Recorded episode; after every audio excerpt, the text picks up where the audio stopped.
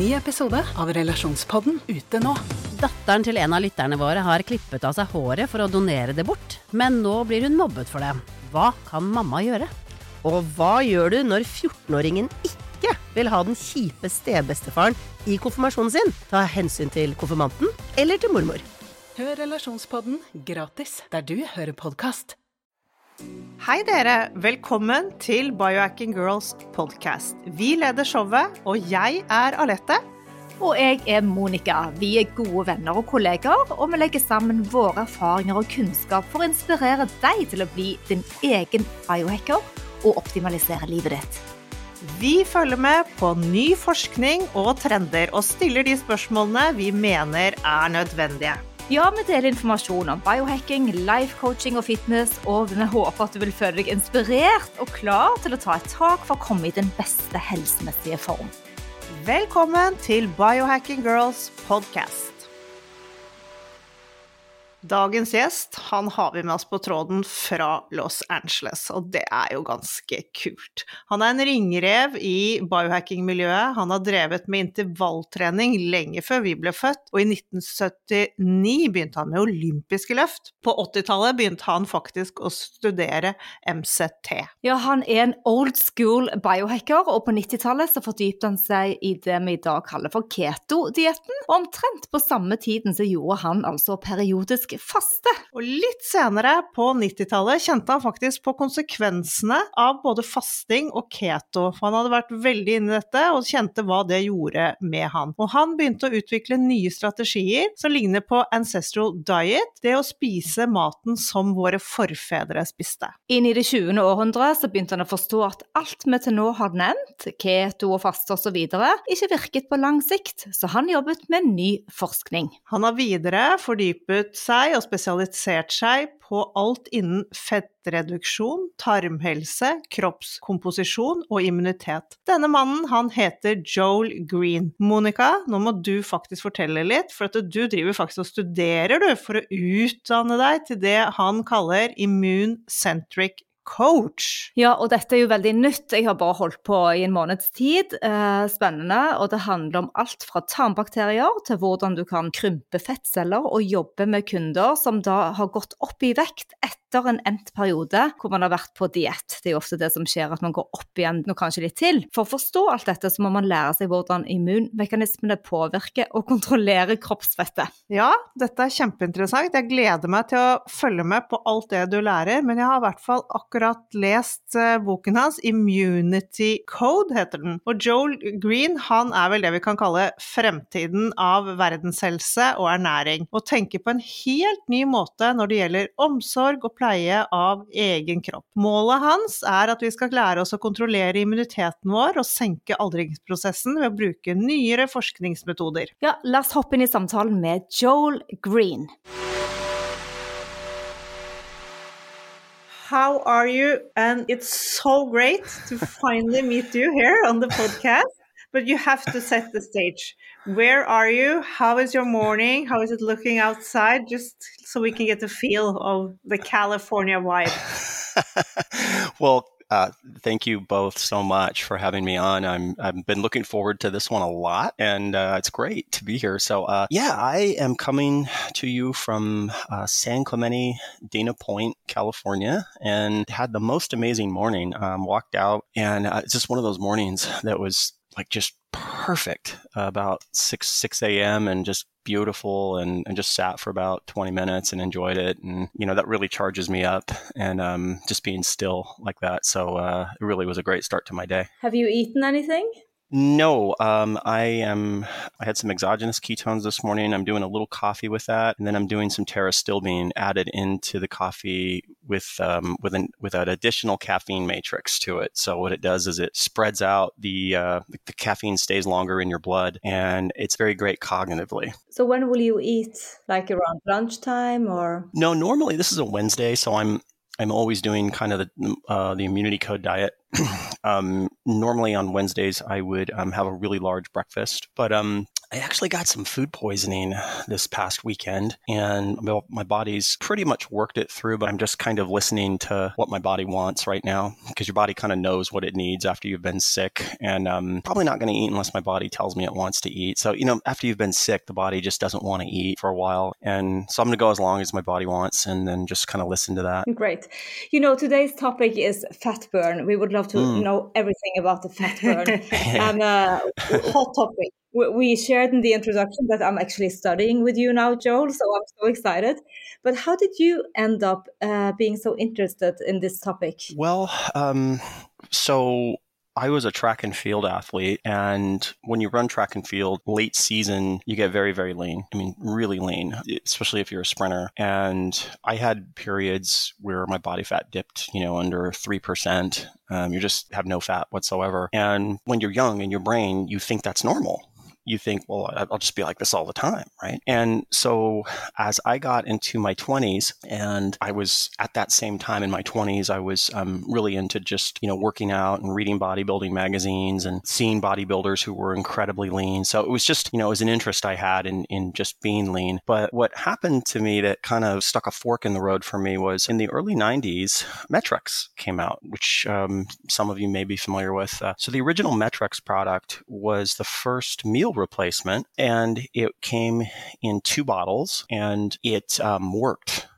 I mean, it worked, and I uh, I think I was about 29 at the time, maybe 30, and 20, 27, 28, 29. And I was about 225 at the time. I was fairly well muscled, but I was also mixing in track sprints with, um, with gym workouts. And I was fairly lean, but I went on that stuff and I got as almost as lean, not quite, but almost as lean as I did when I was in track and field. You know, I got very, very lean. And I, I, I didn't really know that much at the time. And uh, I just stuck with it. But as a result of doing it, I was following an article I had read by a guy named Jeff Everson. Have you ever heard of him? No. Have you ever heard of Cory Everson? So, all right, little a little a little fitness history. So Corey was um, Miss Olympia for a number of years, and her husband Jeff was a writer for Muscle and Fitness, and he introduced um, Met-Rx to the world. And he introduced it by saying, "I'm eating one meal a day at night, and if I'm hungry, I eat Met-Rx." You know, and I just started doing what he was doing, and um, so that was kind of like the equivalent of OMAD and intermittent fasting, and it worked really great for me. It worked for about five years, and then I really noticed very massive changes. I couldn't eat it anymore. My brain rebelled. Like I could, I just couldn't have the stuff anymore. I just couldn't have one more bite of it. And um, I also like uh, began weight cycling, putting fat back on, and eating more, and so that started my interest in it. So, so the, this Met-Rx, I'm quite curious. What's what's in it? Nothing special by today's standards, okay. but uh, for that day, what was unique was that you got a concentrated dose of calories, you know, roughly about 250, and then the blend of protein um, was a combination of caseins and milk protein isolates and things like that. So you had a you had a very um, you had a blend of protein that had a very sort of mild glycemic response and a very sustained release of nitrogen. And so when you combine that with low calories, um, it pushes the body into um, much much much easier to get into ketosis that way because you need roughly roughly you need about a, most people need between 85 to 125 calories per hour in a given day and when you're taking in something that has 250 calories you're right on the edge you know you're right on the edge of feeding tissues from either exo- endogenous exogenous substrate or from breaking down fatty acids. So it just puts you right on the edge. So, so this made an imbalance in your body at least when you uh, you started replacing uh, with Met-Rx and then what happened? Yeah so uh, i learned a lot a lot um, from that. One thing I learned was that the brain has a system for rewarding you um, or disincenting you for food, and it's it's dynamic and variable. So that if you think about it, just from a survival perspective, it really makes a ton of sense. Like if you've been, you know, in the woods going hungry, you know, and then you come back to civilization and there's this buffet with you know steak and everything, and it's going to taste better than it's ever tasted before, and that is a survival characteristic to get you to eat as much as possible, so you can put your fat stores back on and survive. And then conversely, what I also found was that if you have too much of any one thing too long, the brain's food reward circuitry down regulates the pleasure from a given experience and then eventually it becomes a negative. and i think any everybody's experienced this where if you've just eaten too much of one thing for too long after a while it's just disgusting no matter how good it was to start with and that's what happened to me. Um, and and the funny thing is, in my book, I write about this thing called the daisy cutter, which um,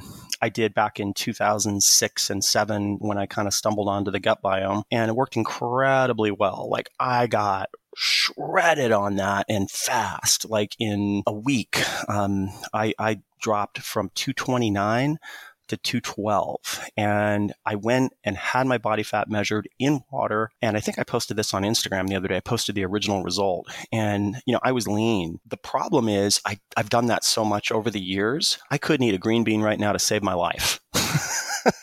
my brain will not have it. oh, oh, so the, the daisy cutter, just explain uh, to the listeners too what uh, we have read the book, but what is the daisy cutter? So the daisy cutter is a way of getting into ketosis without fat. It's like a carbohydrate centric keto meal. Okay. And it's very shocking to see this happen. It has its origins back in late 80s bodybuilding, where you had dietitians like Chris Aceto getting guys absolutely shredded for the Mr. Olympia. And basically it's this, it's that you're you're taking the bulk or the roughage up very, very high. You're taking fat to zero and you're taking protein really high. Okay. So you have a lot of bulk, huge meal, very low gly- glycemic yield, like barely registers. But then in terms of the energy yield return from it, nominal like very low energy. So you're combining very low, slow proteins like egg white with um, extremely dense uh, vegetable matter like green beans or you know cauliflower, things like that. So the brain gets all this mass in the gut and it's thinking, well, this is fantastic, but you know, you give it a few minutes and there's no energy yield from it. It's very it takes forever to get any energy out of that. So the stomach thinks it's getting energy, but it doesn't really get much energy. So the body goes into overdrive and it starts releasing fatty acids and burning them like crazy. And that's kind of basically the daisy cutter. And at the same same time, what's going on is you're completely recalibrating the gut biome through all that um, fermenting fiber. Wonderful. And nice to know that there's some kind of uh, coding to do. Uh, because uh, let's talk a little bit about the fat uh, loss paradox. And uh, so many people that, that's on different diets and uh, ending up gaining more weight than they lost in the beginning. So it's so hard for uh, many people to just stay lean. And uh, this is a big issue. It's the single biggest problem in the world of fitness, and it's completely unrecognized. And it's basically that as an industry, the fat loss industry has never, ever, ever, ever accounted for what happens when fat cells lose fat. Never like if you actually on a biochemical level go and create a checklist of what happens when fat cells lose fat you quickly come up with a very big problem. That problem essentially boils down to the body has a response to when fat cells lose fat. It's a survival response and essentially it is the highest percentage likelihood the highest likelihood when fat cells lose fat is that multiple systems converge to refill the fat cell with fat. And in the process make it more difficult next time. Okay. Once you think about it in terms of survival, it makes perfect sense. Okay. Releasing fat easily every time the body is faced with no food is what the body does, then your chances of survival aren't very good because you'll burn through all your fat storage, you can't get any food, you're dead. But the next season of starvation, the body kind of learns in a sense. And so the next season of starvation, it's not quite as easy. And you don't notice this so much when you're young, but as you get older, it's very common to hear people say, I can't lose fat anymore. I, I can't lose fat. And so that's that's a very common thing. Um, and it has a number, a number of mechanisms that are working against you. Number one is there is an immune response when fat cells lose fat. The cell gets injured. As you know, we, we do keto and uh, sometimes carnivore, but we are not strictly on one diet. We change it a bit. Sometimes we eat two, three, four meals a day, sometimes OMAD. We try not to be go into the pattern where we do the same thing all the time, and it seems like that's a good idea. But how would you give any advices? Uh, because it's hard to. Everybody wants to get lean and lose fat and follow different meal plans. Uh, what would be like a, a way to go if you start a process of something that you know it's going to just be a success the first time? Yeah, that's a great question. By the way, you said advices, which is uh, an Arnoldism here in the states. Advices. I'm going to give Franco advices. Oh. I love it. so German. yeah. um, yeah, no, that is a really, really uh, great question. Really great question. And it, it really shows that you guys are onto something here. And what it boils down to is that variation and variety are the companions of human existence since the beginning due to necessity. We didn't have refrigerators 10,000 years ago. So pretty much you would eat what was available. Availability drove necessity. So what you find if you really inventory what people um, actually do when they're in a hunter gatherer situation is it doesn't fit a pattern. It's t- tremendously varied. You know, it fits no discernible pattern other than the only pattern it fits is that the preference is towards game if you could get it, but it's very hard to get. And so in these intermittent periods between game, there are less preferential foods that people eat out of necessity. But again, you know, if you wanted to try and find a pattern, it's, it's very difficult. So variety and, and variability actually serve a purpose. So I've been at this game a long time, you know, over 40, 45 years. And what I can tell you that I've seen, just my witness, is that when people do too much of one thing for too long, typically, you'll see them with some kind of autoimmune or issue or an allergy. And it's because all foods have something about them that's negative. Like it doesn't matter what food it is. It could be, uh, you know, uh, like green beans. It could be, uh, it could be a meat. It doesn't matter. But what happens is with um, intermittent exposure to any given food, the beneficial qualities of other foods offset the negatives of each. But when you get overexposure to just one particular food, like let's say chicken, like all you're ever doing is eating chicken, eat nothing but chicken. What you'll find is it's very common. Eventually, you get like a chicken allergy or eggs. If you're always eating eggs, you know, you can get an egg allergy that you never had before, or, or like you could take somebody who does not have a peanut allergy and you feed them too many peanuts too often, and they get a peanut allergy. And it's because the uh, the negative aspect of that one food begins to sort of gather and collect, and eventually it kind of catches hold. So variety and variability are actually very very important um, aspects of diet. That's one of the reasons why. Yeah, so the, this the seasonal eating is quite smart to do then. Yeah, and it makes sense if you think about it. Like if you study not just diurnal variation, but weekly variation, monthly, and seasonal, there's actually quite a bit of flux seasonally. Like you make more of certain hormones during winter, you want to sleep more during winter. And so you know, it's a very good argument for seasonal variation. And you see it with hunter gatherers who migrate and animals that migrate, and their diets change. But obviously, this fat loss has uh, more to do with other things as well as food. And here in Norway, we have a huge trend now with this cold exposure. Can this help us? Yes, very much so.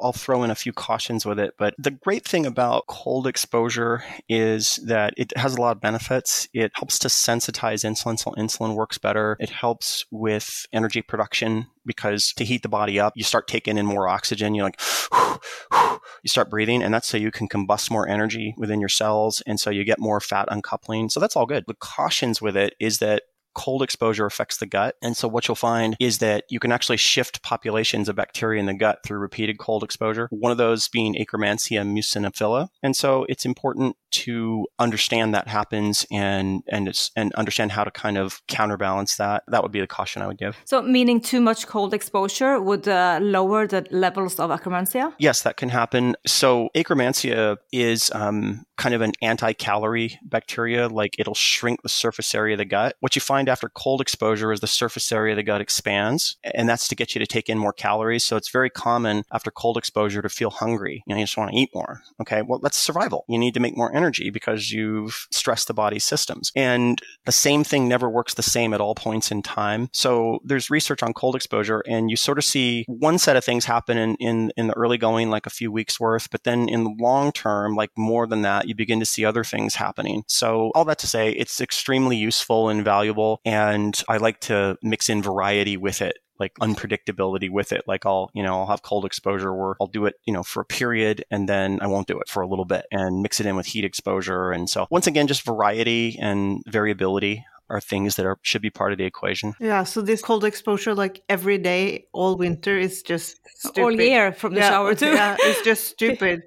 yeah, because we are we're always like like this is good, but then oh, even more must be better. But that's not true. Yeah. Yeah. If I could impress one thing upon any audience, it's that the same thing does never works the same at all points in time. Like we know this is true, like if with prescription drugs, like like SSRIs, you know, like they work amazing when you first start doing them, but then they don't work at all later. So it's true of drugs. It's true of foods. Like you try a certain food, whatever, it has benefits, and then you just eat it all the time, and after a while, it just kind of, you know, number one, you don't want to eat it and don't really notice the same benefits don't lose weight on it anymore. It's true of foods. It's true of diet. It's true of everything. So let's say uh, you have been through a period, you have lost some weight, you have uh, made some injuries on your fat cells, and you would like to keep it that way. Is there any hacks in order to? You, you mentioned berberine. There's a lot of uh, supplements, fisetin, or could you just take us through a protocol that you would recommend? Yeah, first thing is you have to counter what's called the energy gap. So the energy gap is a phenomena. There's quite a bit of scientific literature about, and it's essentially post fat loss, for every kilogram of fat that you lose, your caloric needs are dropping roughly about 15 calories. Um, so, in other words, post fat loss, you have a lower caloric requirement but the drive to eat is higher. So this, this mismatch is a big deal. So you, you want to eat more, but you don't need as much. And so what will happen is you eat more and then it just tends to store fat. So you have to counter that. So countering that, there's a number of techniques that are used in the immune centric fat loss course, but to make it real simple here, the first is more protein. That definitely helps. The next is the way you're sequencing meals throughout the day matters a ton. So it's very important to have some breakfasts that are gigantic, gigantic in that post fat loss period because what that's going to do do. Science papers have shown that post fat loss, the occasional giant breakfast where it's massive amount of protein, massive amount of carbohydrates, adequate amounts of fat, what that does is that you spin down the drive to eat, the hormonal overshoots, and you start to normalize out leptin and ghrelin a little bit. That's very important. The next consideration hormonally is adiponectin. It's never really talked about. So adiponectin is a fat hormone that's secreted and has tremendous impact on insulin sensitivity and also uh, muscle renewal something not generally known, but adiponectin is a big deal with muscle. So you need to stimulate adiponectin in the post fat loss phase.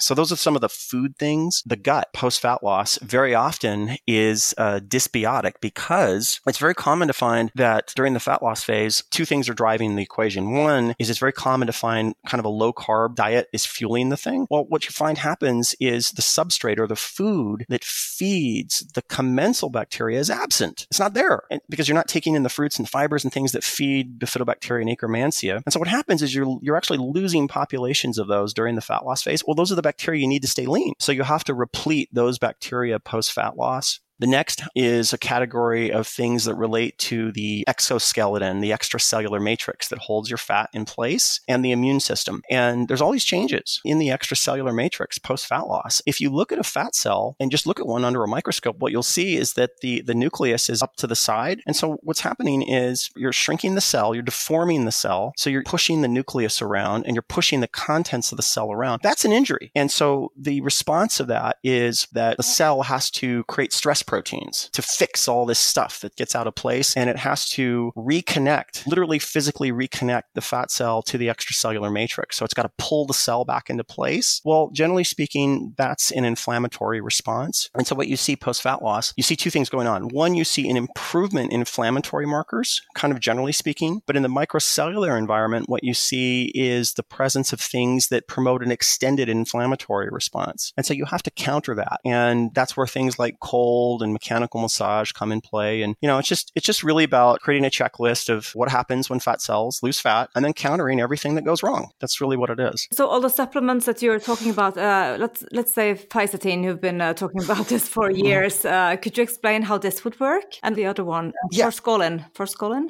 No, forskolin? Uh, well, for fat, for post fat loss, it's berberine typically that is yeah. in the picture. Okay. Um, there's a, uh, a stress hormone called FGF21 that stands for fibroblast growth factor 21. And it used to be considered a starvation hormone because we would see it when people were losing fat. We thought, oh, this must be a fat loss hormone. Great. But then they did some more research and found a funny thing. You see it when people are feasting, see the same hormone. What eventually it came to realize is that feasting is stressful in the body and so is fasting. They're both stressful. And FGF21 is sort of like a compensatory hormone. So what you see with fat loss is that FGF21 sort of is involved at different phases of the game. And in the post fat loss period, ideally, we like to try and stimulate that a little bit. So, Joel, please explain to us about the fat paradox. Yes, very important. Very, very important. Everybody listening to this broadcast uh, will probably face what I call the fat loss or the paradox of fat loss at some point in your life because at some point in your life you'll do a fat loss program. And it's basically this.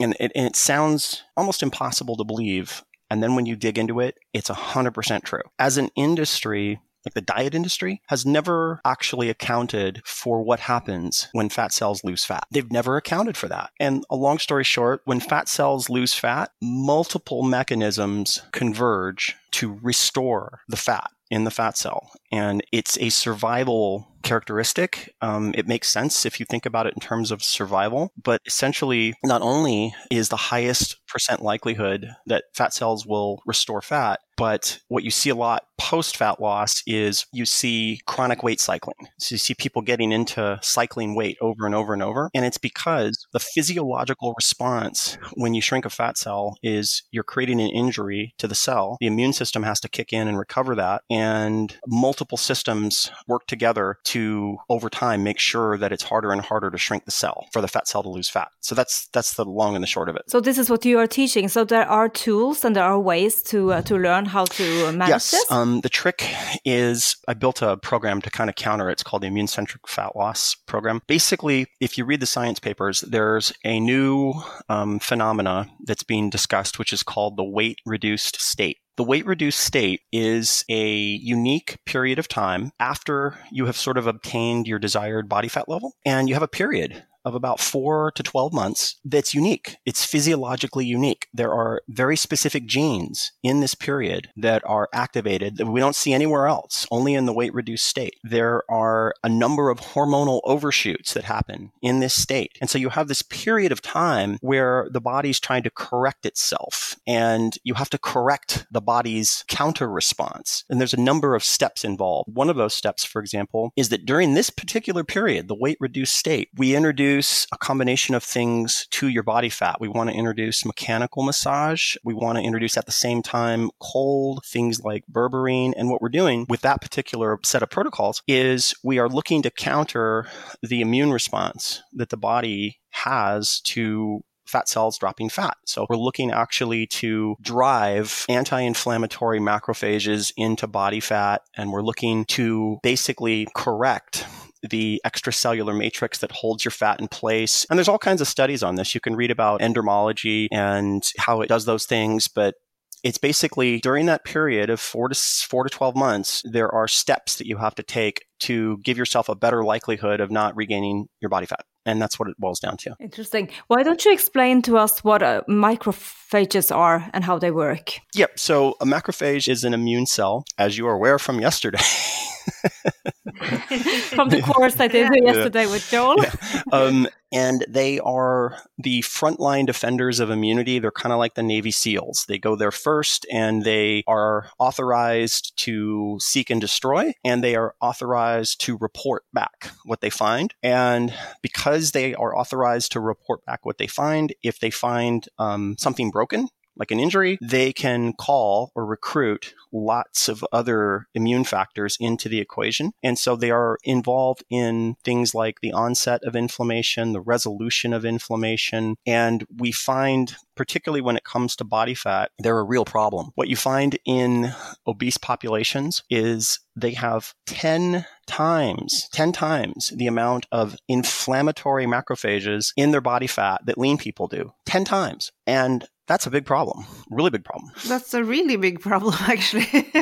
but um, what about the hormones, ghrelin and leptin? How do they play in here? I, I actually heard today for the first time ever that women have more strong um, ghrelin well, production than men. Is that true? There are generalities about both sexes, but then there are specifics that are unique to women and even unique to a woman's cycle. And so at certain times of the month, you have more ghrelin expression than you do others. And, you know, definitely during different periods you do. So um, it definitely can be true under a lot of circumstances. Main thing to say about ghrelin and, and leptin is you know, what, ghrelin is the hormone that is sort of quick and immediate. It's it's after a meal and it's telling you, okay, you know, we're good. We don't need any more food. And then leptin is sort of like a long-term hormone. Leptin kind of controls overall food intake over the long term. And so adjustments to each of these happen at different periods in time. What we can say though is post fat loss is that there are shifts in both of these hormones and those shifts are designed to get you to eat more. So it's very important once we begin to think about what actually happens when fat cells lose fat, it's very important to start to account for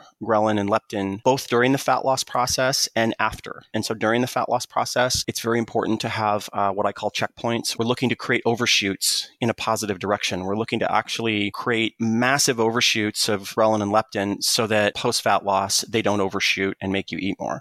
Yeah, exactly. But do um, if you are uh, obese or really fat, do you have a stronger production of these hormones, or is it going to be stronger when you get less lean? So that's an interesting question. What we tend to see is that it's very similar to insulin resistance. You know, where insulin resistance, you make more insulin, but it doesn't work. And so you find the same thing. You find like you make more leptin, but it doesn't work as well. Like leptin should, you know, stop eating over time. So what you'll see is with obese people that they have leptin resistance, the leptin just doesn't work. And so they're actually eating more over time. And then you also see that post meal, like the response to a given meal is disrupted in the obese versus the lean. So yeah, and this is just a small, small little piece of the equation. I mean, there's a lot of other factors going on, but the hunger hormones are a big, big deal for sure. So, so if uh, one person mm. have been doing uh, keto or whatever, uh, carnivore, and the plateaus there, uh, if you mm-hmm. plateau, mm. what what would you mm. suggest to do? I mean, you have this fat loss program; people could sign up online, but what would be the process? Because it seems like everybody is reaching a level that nothing happens anymore. Well, the first thing you have to understand is that that's normal. The most important thing to understand is that the same thing, the exact same protocol, and I don't care what it is, almost never works the same at different points in time. So we have this sort of misconception that like a bullet is a bullet and if you fire it it goes. Okay, that's that's our that's our analogy for different diets. We think, well, this diet does this and it always does this. But that's not really what happens in practice. What you'll find is that typically things work much much better the first time. Much better the first time. And then after repeated exposure to the same thing, it, it works less and less well. And then eventually it dips below the line and and it actually not only does it not work, it actually creates negatives. So the first thing I tell people is that, you know, if they have a lot of weight to lose, the first thing I tell them is, okay, let's set proper expectations. It's going to take a while, probably a year or more. And you're going to have periods during this where nothing works. Nothing works. Absolutely nothing works.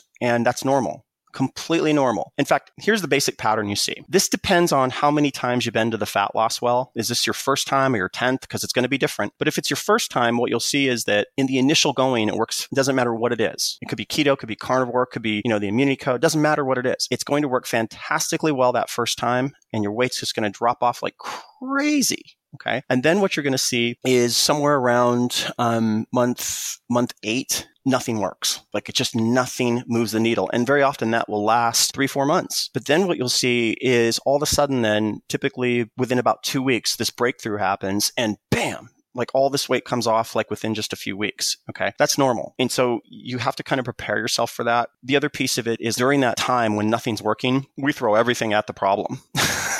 everything at the problem. And very often nothing works. And then all of a sudden something works and it just works amazingly well that last few weeks. So that's what you have to expect is that's normal. So you don't really know what's going to work. So you try everything. Is that kind of it? Well, um, I, I have an expectation now. Like I kind of, I've seen it enough times where I, I kind of know what's going to work, what's not going to work. That being said, everybody's different. I had a coaching client who was uh, 68 and he started at 230 pounds. And then over about a year, we got him down to about 190 pounds and he stayed stuck there for like four months. And so during that time, we were trying shifts in diet, variations in diet. And then finally, kind of at the end of that, I created a shift in his diet where we were only working on the fat loss part three days of the week. The rest was maintenance, but it was a really rough three days. And then we combined that with some other things. And all of a sudden, he just took off 20 pounds like that at 68. That's kind of a typical example of, of how things go. So I would say we don't have the body completely figured out. No one does. And there's never a 100% solution. So yeah, you always have to try different things. But what's most important is where are you in the number of attempts at it. Like, is this your first time? If it's your first time, that's the best thing possible because the best thing could be for you to just apply a diet, get your body fat down, apply all these countermeasures, and then in the maintenance phase, apply all the countermeasures I'm talking about. That's the best possible scenario. Um, because if you don't do that, what happens is the body will counter everything you did you'll regain all the weight within five years. So really nice uh, to know about the berberine. That's interesting. And also another takeaway that we have: let's make breakfast great again. It's uh, it's a huge thing because this uh, intermittent fasting has been going on for so long now, and people are not eating in the morning anymore. Could you share a little bit about your own routine, your workout routine, and your eating plan? Yeah. Yeah. Um. So workout wise, what I found really works for me me is two things. One, it's really important to do something every day. That's the most important thing. But everything that I have done has to work under real life circumstances. Okay, it has to work. So there's all kinds of advices about what to do. there's all kinds of It's funny. I know. it's easy for me to give him bad advices. oh, he sounds so German. Yeah yeah. I'm sorry, I'm goofing up here, but um, that's good. yeah.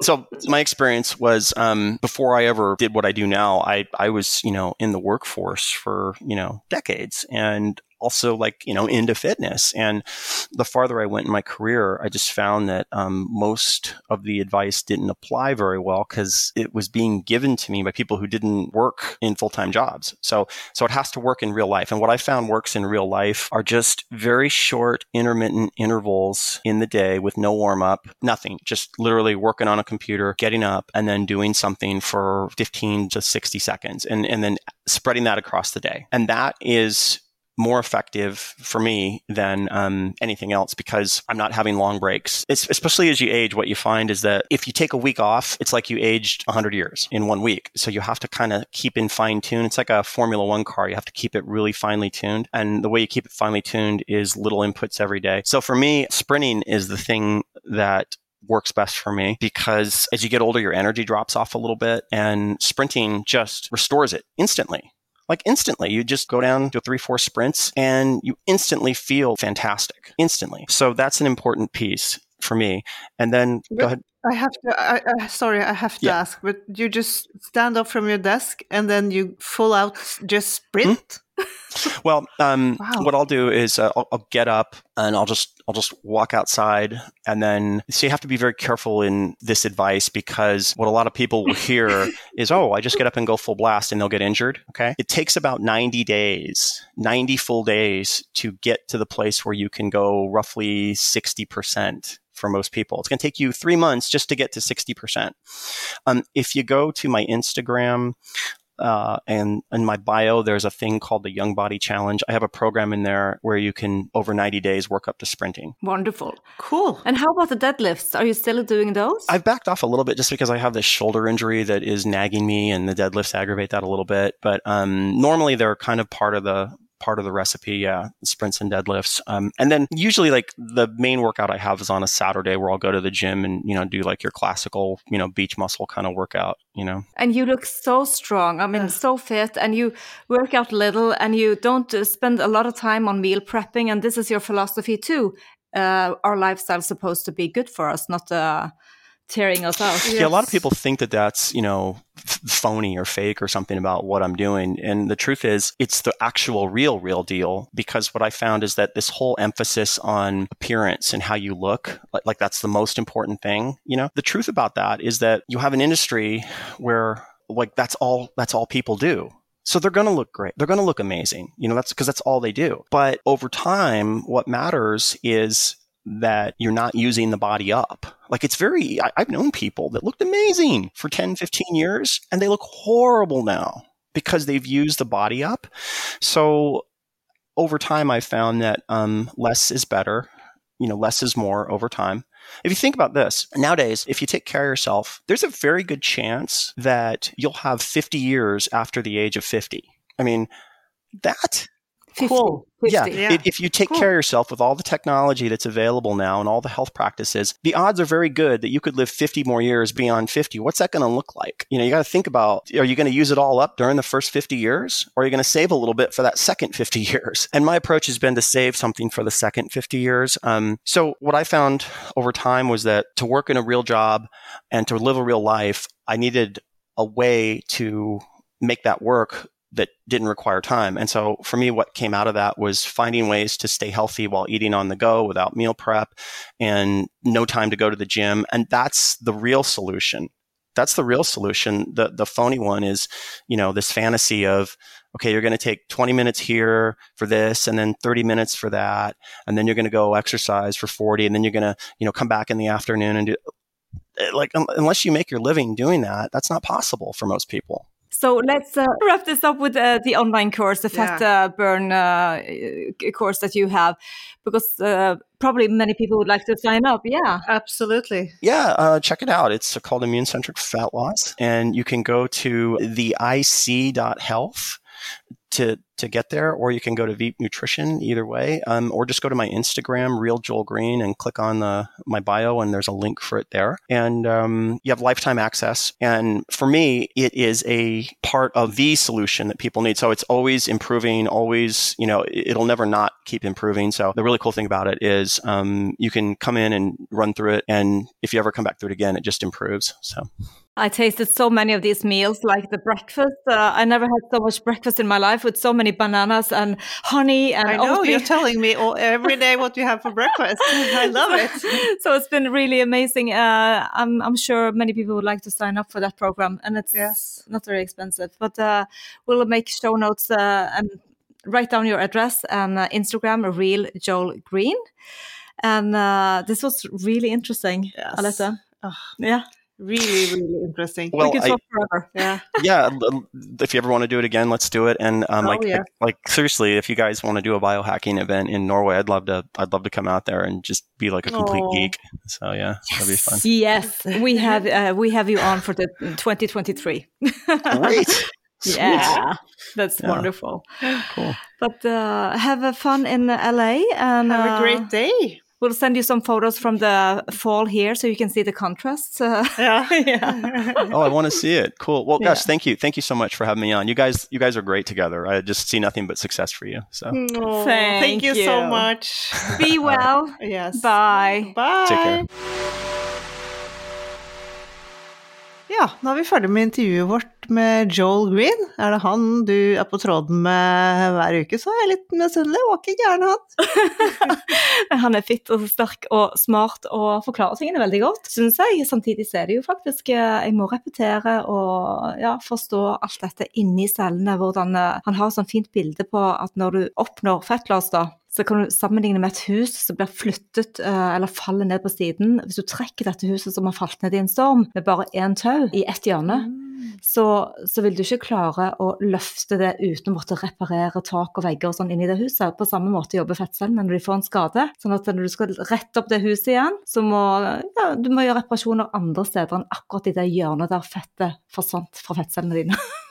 Ja, veldig kult. Og jeg syns han, uh, han snakker veldig forståelig, for jeg var litt skeptisk etter å ha lest boken, for jeg syns den var uh, vanskelig å forstå, men fy søren for en kar, og så flink til å forklare. Og dette her som, de, som vi må bare skjønne, er det der med å gå på diett etter diett. Det funker ikke! Det er jo det vi snakker om hele tiden. Vi, vi må endre livsstilen vår, og det er han så tydelig og klar på, og det liker jeg veldig godt. Ja, så Han er jo pro keto på mange plan, men sånn i tremånedersfaser, i seksmånedersfaser, til et spesielt formål. At vi endrer sånn som vi to hele tiden endrer på antall måltider. Så det var egentlig litt godt å sjekke inn med en så pro-type som han. Ja, helt klart. Det, det, det var en aha-opplevelse, akkurat det der med at det er ingenting som funker over tid. Vi må hele tiden endre oss, og vi er jo alltid i endring, så det, det sier seg jo selv. Men det online-kurset det er superinteressant, og det jeg syns var absolutt eh, gøyest her nå, vi har jo bare så vidt luftet det, men at han vil komme til Biohacking Weekend 2023.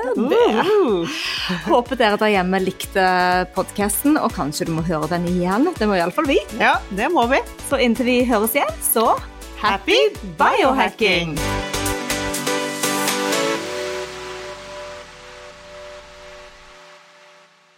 Vi minner om at dere må snakke med egen lege eller kostholdsveileder om dietter og andre spørsmål relatert til medisiner og supplementer. Informasjon vi deler kan ikke bli brukt til å diagnostisere, behandle, forebygge eller kurere noen sykdommer eller tilstander. Velkommen til Kjemperådet! Denne gangen har vi fått inn et kjempedilemma fra en familie. Jeg leser Hei, vi er litt uenige i familien her. Hvis du skulle vært et dyr, ville du hatt gjeller eller vinger? Oi, den er tricky. Ja, Hva ville dere hatt, da? Altså, jeg vet ikke, men med familierabatt får de ubegrenset data fra Telenor fra 399 kroner. Da kan de jo scrolle seg til svaret, rett og slett. Ja, ok, Men for min del Ja. gjelder. Nei, nei, Nei. nei, vinger. Nei, nei, Ja, okay, ja, Kjempebra. Men eh, se nye mobilabonnement på telenor.no, da.